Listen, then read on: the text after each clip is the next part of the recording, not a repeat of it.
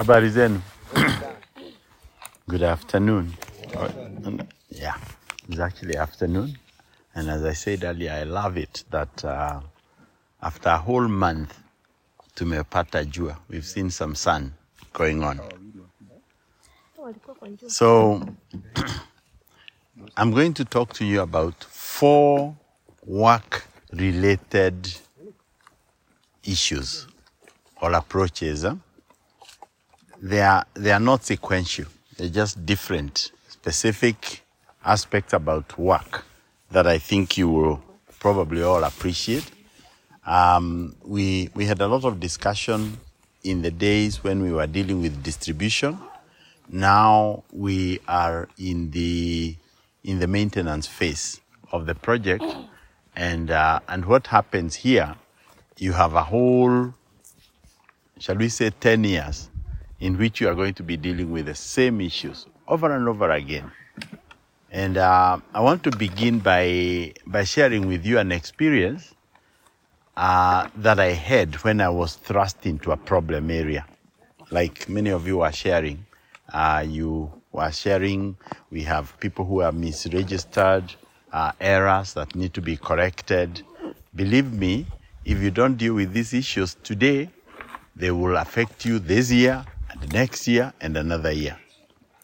Now, unlike many people, I did not become a CEO by earning a position. Mimi. My first job as a CEO of a very large organization was when I was 24. And I did not apply for the job and I did not expect it. I was on a scholarship in a university when my boss quit. He just abandoned the organization when he knew it was collapsing. Akatoroka, and he went his own way. Then now, the only person who could come and rescue the organization was the young man that they had sponsored in school. Um, and I was going to, actually, I was headed to finishing up um, the first part of that degree at Daystar University. And then I had a scholarship of going to Messiah College in the USA. And I was going to now come back after that, become mentored, and then eventually become CEO. So it was a journey that was going to take somewhere in the region of about six or seven years before I found myself there. Then he quit. And I was called in and I was told, well, unfortunately, your boss has gone away. You have no choice but to just come back. And first of all, hold on to this, and then we will see how things go afterwards. The first thing I came across when I came over at Step Magazine was to find the magazine totally in debt. We were so deeply in debt. I think the, the person who is going to take over this country, uh, I can give him a few lessons on how to manage debt because our country is exactly in that same situation. And I had no experience in accounting. I had no experience in uh, in managing money. I did not even have anything that you could call a decent salary because I was a student being paid like half rate uh, because I was uh, sponsored by that same organization. And I did only the only thing that God put in my mind follow what the Bible says. I did not know of any other way of dealing with debt except the suggestion that got into my mind do what the Bible says. And I learned a very, very, very powerful lesson from that time about doing things uh, the way God would have them done. And what the Bible says about if you are in trouble with somebody, the Bible says you go to that person, you go negotiate with that person before the person takes you to the judge, and the judge takes you where? To prison, eh? Yeah. So that's what I did. I actually began to go to the people we owed money one by one and negotiate with them a payment plan that lasted about two years. And you know, all of them, none of them closed down services. They all continued to give us services. We would pay them the current month. And then eventually we were out of debt. And we survived. I was in Step Magazine for, as a managing editor, a big position for uh, that time from 1984 to 87. And during that time, the magazine grew. The magazine grew from what we were doing, 8,000 copies a month, And by the time when I was leaving, we were doing uh, 53,000 copies in 11 African countries. By 28, age 28, I had traveled so much of the world that my passport was full. I actually got a new passport around that time because all the pages on the passport had been stamped. I was so tired of traveling because, because of that. Forced job and prepared, but by just following what the Bible says, I think I found a way out. And I have turned to the Bible over many years. Those of you who follow my blog, you will be able to see that uh, even the processes that I talk about, the methodologies that uh, you accuse me of, uh, of promoting, uh, I, I derive them from the scriptures. And they have never failed me, even once. Hata siku moja. So there we go. Now, uh, the first area of uh, focus that I want to talk to you about ya kumwambia kitu is the the whole issue about what the Bible says a good name. If you look in the book of Proverbs 22 verse 1 and uh, you will find there a statement that talks about a comparing a good name against what? Eh? A good name versus great riches. Now, which one do you think people value more? Riches, eh? What does the Bible say is more valuable? A good name. Uh, so you can actually see there's a very, very big difference between what the Bible would preach to you, the narrow path, uh, versus what you can get from the other people. And the, the general principle there is that always choose what the Bible says when you come to make a choice between things. Now, why do I say uh, a good name is to be preferred? Is that you have to be the one to make this choice. And uh, at work, this uh, principle is even more relevant than anything else. Most people should uh, choose shortcuts. Most people choose uh, the easy path. Most choose the money path. You know, cheat. We used to have a, a situation where uh, people would cheat that they have done a distribution when they have not done. Uh, wakati huo wameficha jiko kwao kwa manyumba. Hamjaona kesi kama hizo? Like, but they now claim that it's distributed, even in this group yet. But eventually those things catch you up. They catch up with you. So choose a good name and follow the, what, do what is expected even when it costs you. Even when it costs you. Now, I don't know whether you know this, but there is a time when David had sinned, the king. He had sinned, and uh, there was an onslaught, a whole attack on his society based on uh, the choices God has give, had given him for punishment. And the, the point where the, the, the, the, the angel stopped destroying the society became a place where David would now need to build an altar. Eh? Unakumbuka? Who did he find there? Who can remember? The owner of that particular plot was Amze, who was busy huh, uh, trying to thresh his own uh, grain. And when he learned that David needed that particular spot to build an altar, offered not only the plot, but also the oxen and also the wood to be able to, so that he can help the king to do his sacrifice. What was the easier thing to do if you are there? To take or to refuse what is being offered for what is a very noble cause. A very selfish person like King Saul, when his son uh, won a war, King Saul claimed the glory himself against his son. But David says, hey, hey, hey, wait a minute. Will I be able to offer to God what costs me nothing? Apana, he had a name. He chose that he would rather buy everything that he needed to be able to offer to God a sacrifice. I don't know that you can see the difference between David's attitude and Saul's attitude. Saul would take glory very easily from what is not even his own effort. David says, I have to work for it. I have to be the one to pay for what God is asking me to do for him.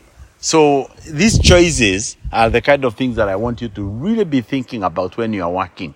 You know, choose to get a good name. Choose to work hard. Choose to do the right thing. It's a choice. And if you don't make that choice, my friend, eventually those issues will catch up with you.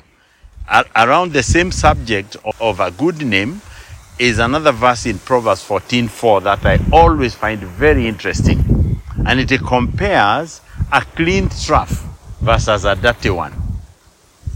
When is there a clean trough? A, a trough ni pale ng'ombe inakulia chakula. Okay? It says, where there is no oxen, you find a clean trough. What does that mean?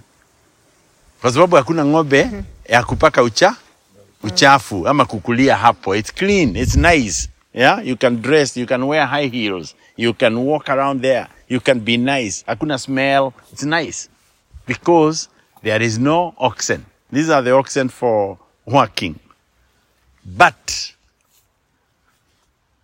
if you want riches, if you want a big harvest, you will be able to see the evidence of oxen. Zile zililima. Which one is to be preferred? A clean trough or a dirty trough? Clean. Eh?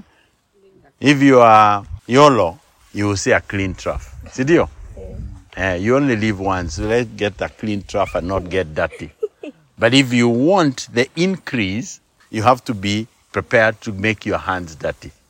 Tufanye kazi ili tupate utajiri badala ya kuwa na clean work environment na dress about high, whatever and high heels and uh, nice boots and nice hats but without getting tired. It's a comparison. That's one level of that comparison. The second level of comparison here is the use of technology. I don't know that you can see it. Is that the person kama akilima na mkono peke yake, he will do a very, very small job. But if he is plowing, uh, he will be able to get a much bigger increase. Sinaona?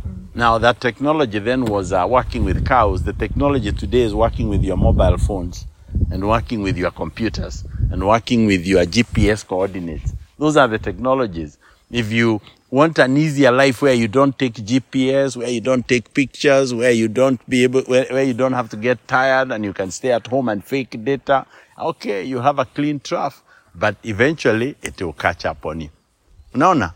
So that the whole principles around agreeing to work hard, agreed to work smart, and also agreeing to work honestly, the integrity of doing all of that. The second uh, thing I want you to look at is a very interesting passage in the first uh, few verses of the book of Exodus, chapter 31, about some people here, three categories of people that God set apart to do specific work. And I want you to see the three categories because they also apply in our midst. Skilled people, and then also um, people, specially gifted people. The first group of people were two guys. One of them was called Bezalel, uh, the son of Uri, and his assistant Oholiab, son of Ahisamach. If you look at uh, Exodus 31, verse 1 and verse 6, you'll see those people. They were given very, very special gifts by God to be able to assist in fabricating the, the craftsmanship work of the things that would be, would be used for the worship of God. Really amazing that God Himself took these people, put wisdom and craftsmanship in them, and then told Moses about them. Do you have a special skill? If the answer is yes, you need to know where it has come from. I watch, one of my grandsons is an artist, and I, he's named after me. Anakaa chini, you know, he looks at uh, a thing and he just very, very easily, and you can just see he just draws it nicely. My daughter, he takes after his mother, my daughter, uh, who is also a good, skilled artist. And you can say it's not me who taught, either my daughter or taught my grandson. It's God who gifted him with that skill. But he can only use that skill in the way he chooses, either to glorify God or to do uh, wrong things. Eh? You know, you pray and you help and do that. In our midst, there are those people. They are craftsmen. They are the ones who do our repairs. They are the ones who do our stoves. Support them to do the work that God has given them. But look at the next verse. If you look at the second part of verse 6, that you see that God also gifted many skilled people to do all the other types of ordinary jobs that would need to be done. Ha, I think I'm in that category. I may not have the special gift of the specially gifted, but I have got at least a gift that can be applied in a particular area. Kila moja wenu, every one of you has a gift to do the part that God would have us do in this program. Usije ukasema, me I don't have any special gift. You can distribute. You can ride a motorbike. You can make a call. You can visit somebody. But what is God calling from all of us in all of this is diligence. Tuwe kila mtu aitikie kufanya kazi ya yake.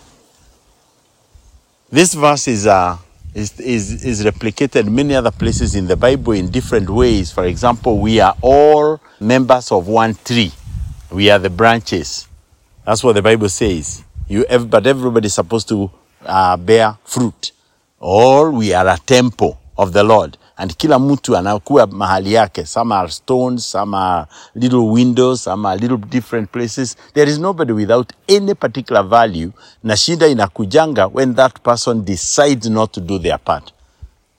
You know, I don't know whether you know also in the Bible there were some guys who got very disappointed because they were saying Moses and Aaron wanapewa kazi ya pale mbele madhabahuni eh? na sisi tunapewa kazi ya kubeba vikingi eh? wana complain Aha. And then, of course, when they were tested, they were seen that they should have been very happy to just be carrying the pegs. Because hiyo tempo, hiyo hema ikifika mahali pale inawekewa na ikuwe peg ya kuishikilia haiko itasimama.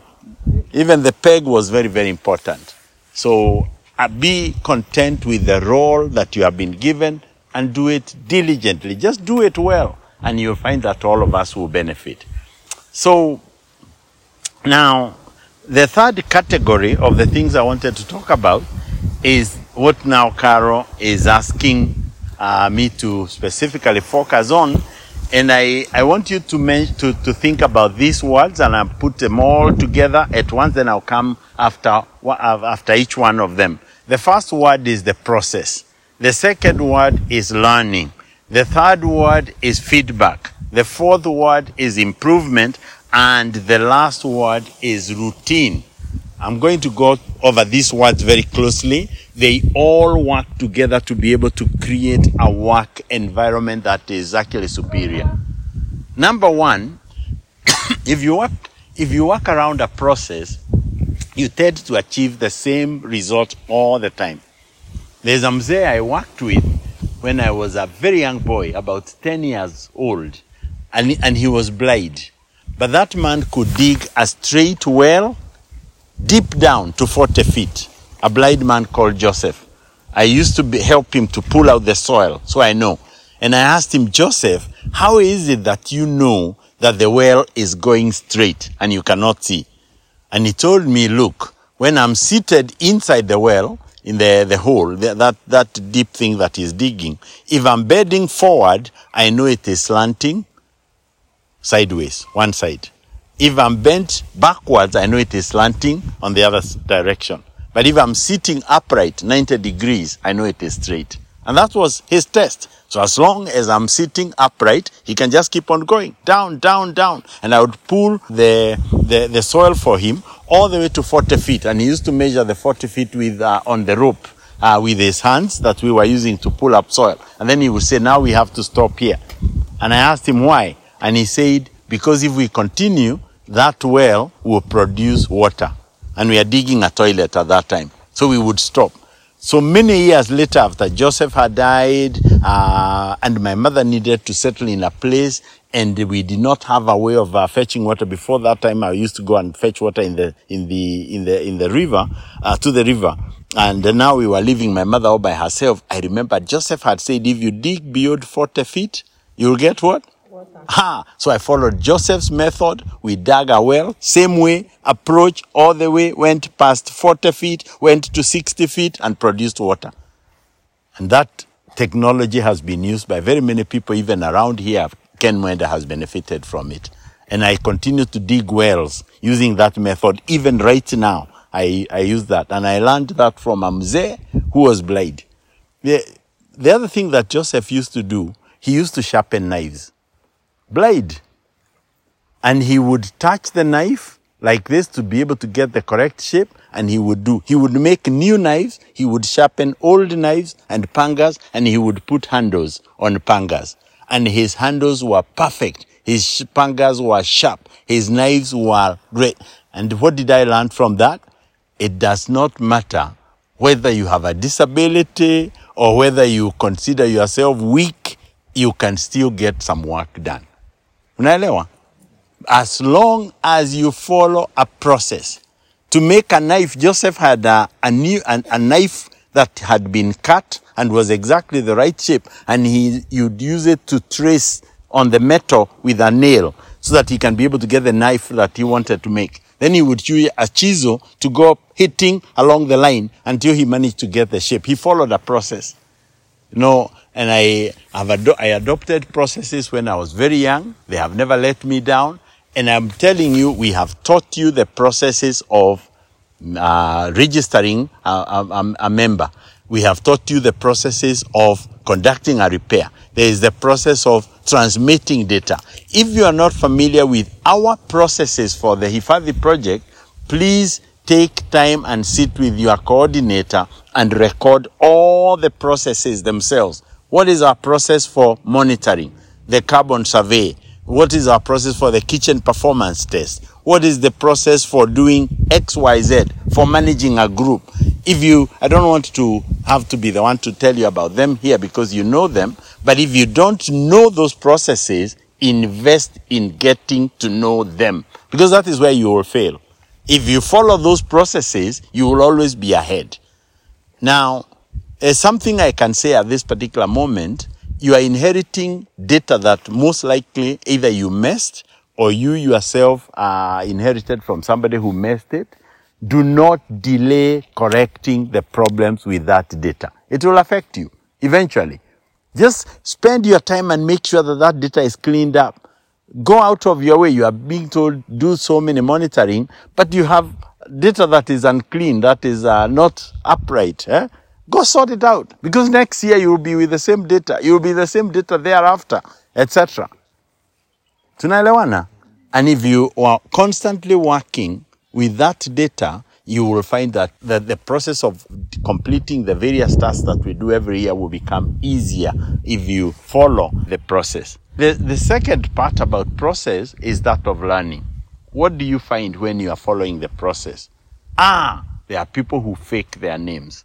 There is misspelling. There is uh, people who move away. There are people who had cheated. Learn from it. What do you learn? Is how to deal with those circumstances. Then, when you learn how to deal with those circumstances, you create a process about how to deal with that problem so that you don't have to come up with your own little ways like what I was hearing Carol accuse you of. You know, you can learn. You find a situation, you learn from it. Hmm? Like uh, the lesson I learned from uh, my friend who abandoned work in those very early days because of accumulating debt. I learned that having a surplus is better than having a debt, isn't it? And I worked very hard all my life to try and have a little surplus and then invest that surplus so that you never come to a situation where you are in debt that you cannot manage. And the surplus is multiply and multiply, they compound, they become big, and uh, you find yourself becoming successful. But if you are constantly in debt, you pay debt and you pay the arrears and you pay the compounded gains of the bank, and the bank gets rich and you become poor. You understand? You get into a situation, you learn from it. And then you correct yourself to be able to improve that particular process. Now, there's something else I wanted to say about that one is the feedback. If you are not giving your superiors, your colleagues, the feedback about what you find, all of you share the same problems over and over again. Because the problem you are facing, Kinoti will also face it. But if you have got a feedback mechanism, it is possible for us to learn together or in order for Kinoti to work better next time because when all of us as a team are working better each time, yeah, we go good, better, good, better, and then good, better, best. There's a fourth one. Is better.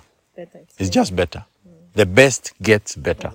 You can improve even the best. You can better your best. better Absolutely. Yes. So, and if we better our best, all of us will actually end up working much more smoothly together.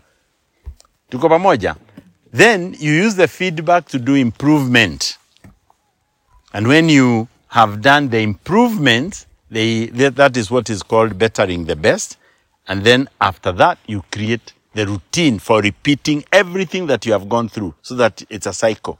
And that's the way God has organized all of life. This mango, if you had been here last year, had flowers. Sidio?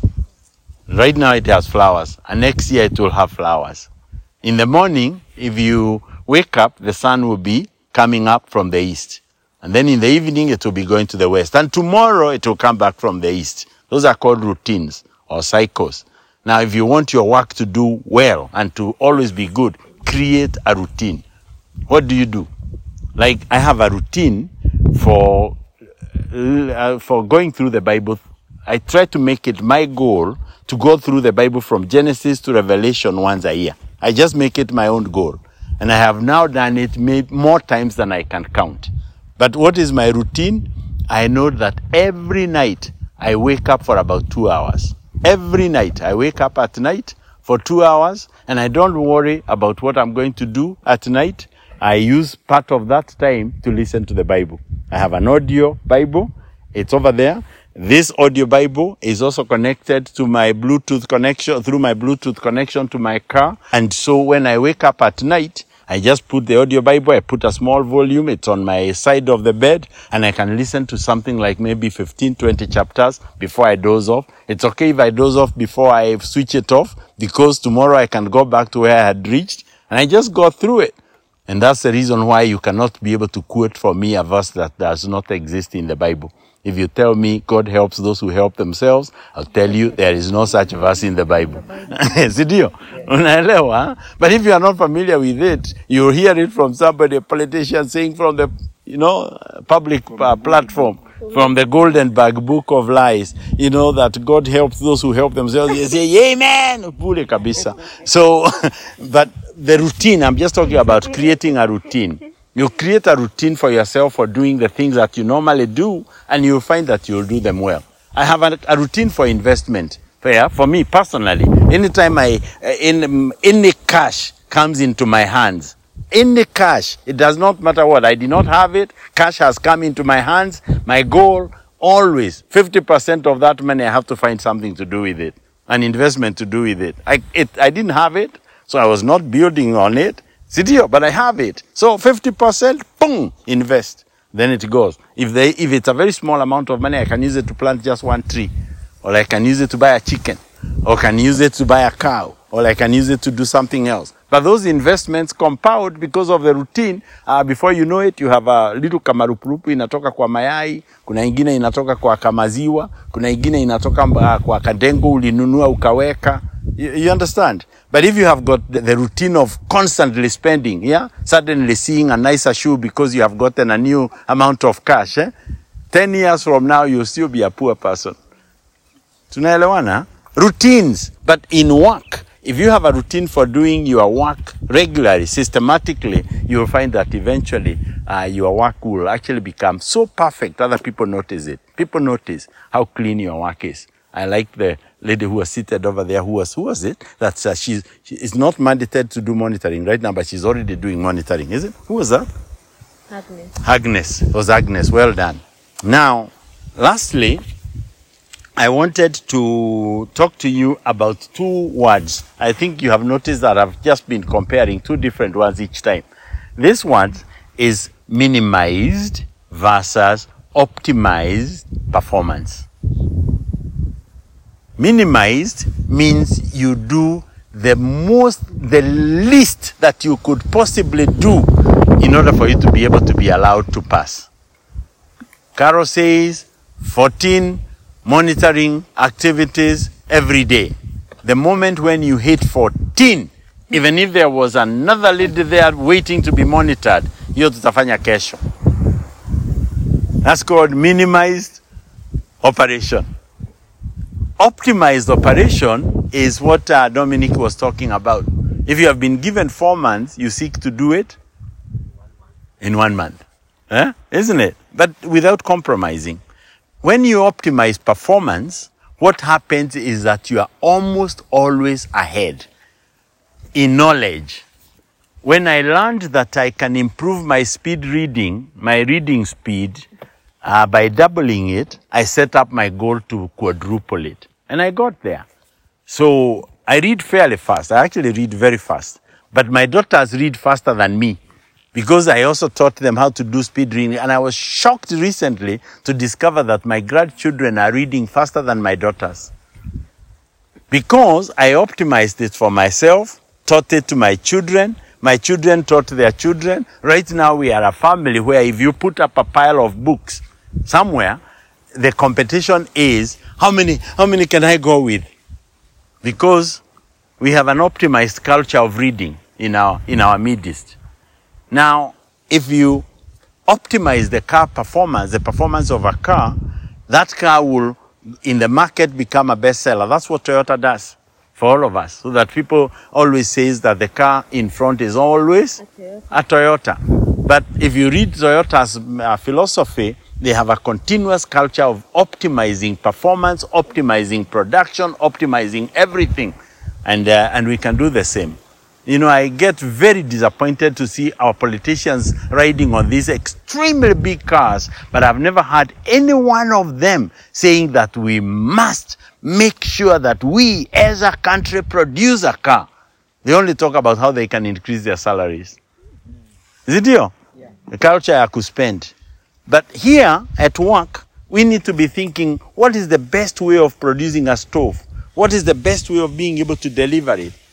Let those ideas be the ones that flow when you when you give us feedback. Because the hifadhi project at this particular moment is at this particular stage but maybe when we do hifadhi 3 uh, we could do it so much more better because we have optimized mechanisms that have come from your midst and uh, i hope that you have heard that today i was wearing the hat of a real preacher, but uh, still talking about the same things that we are talking about every time. Eh? Thank you very much, and God bless.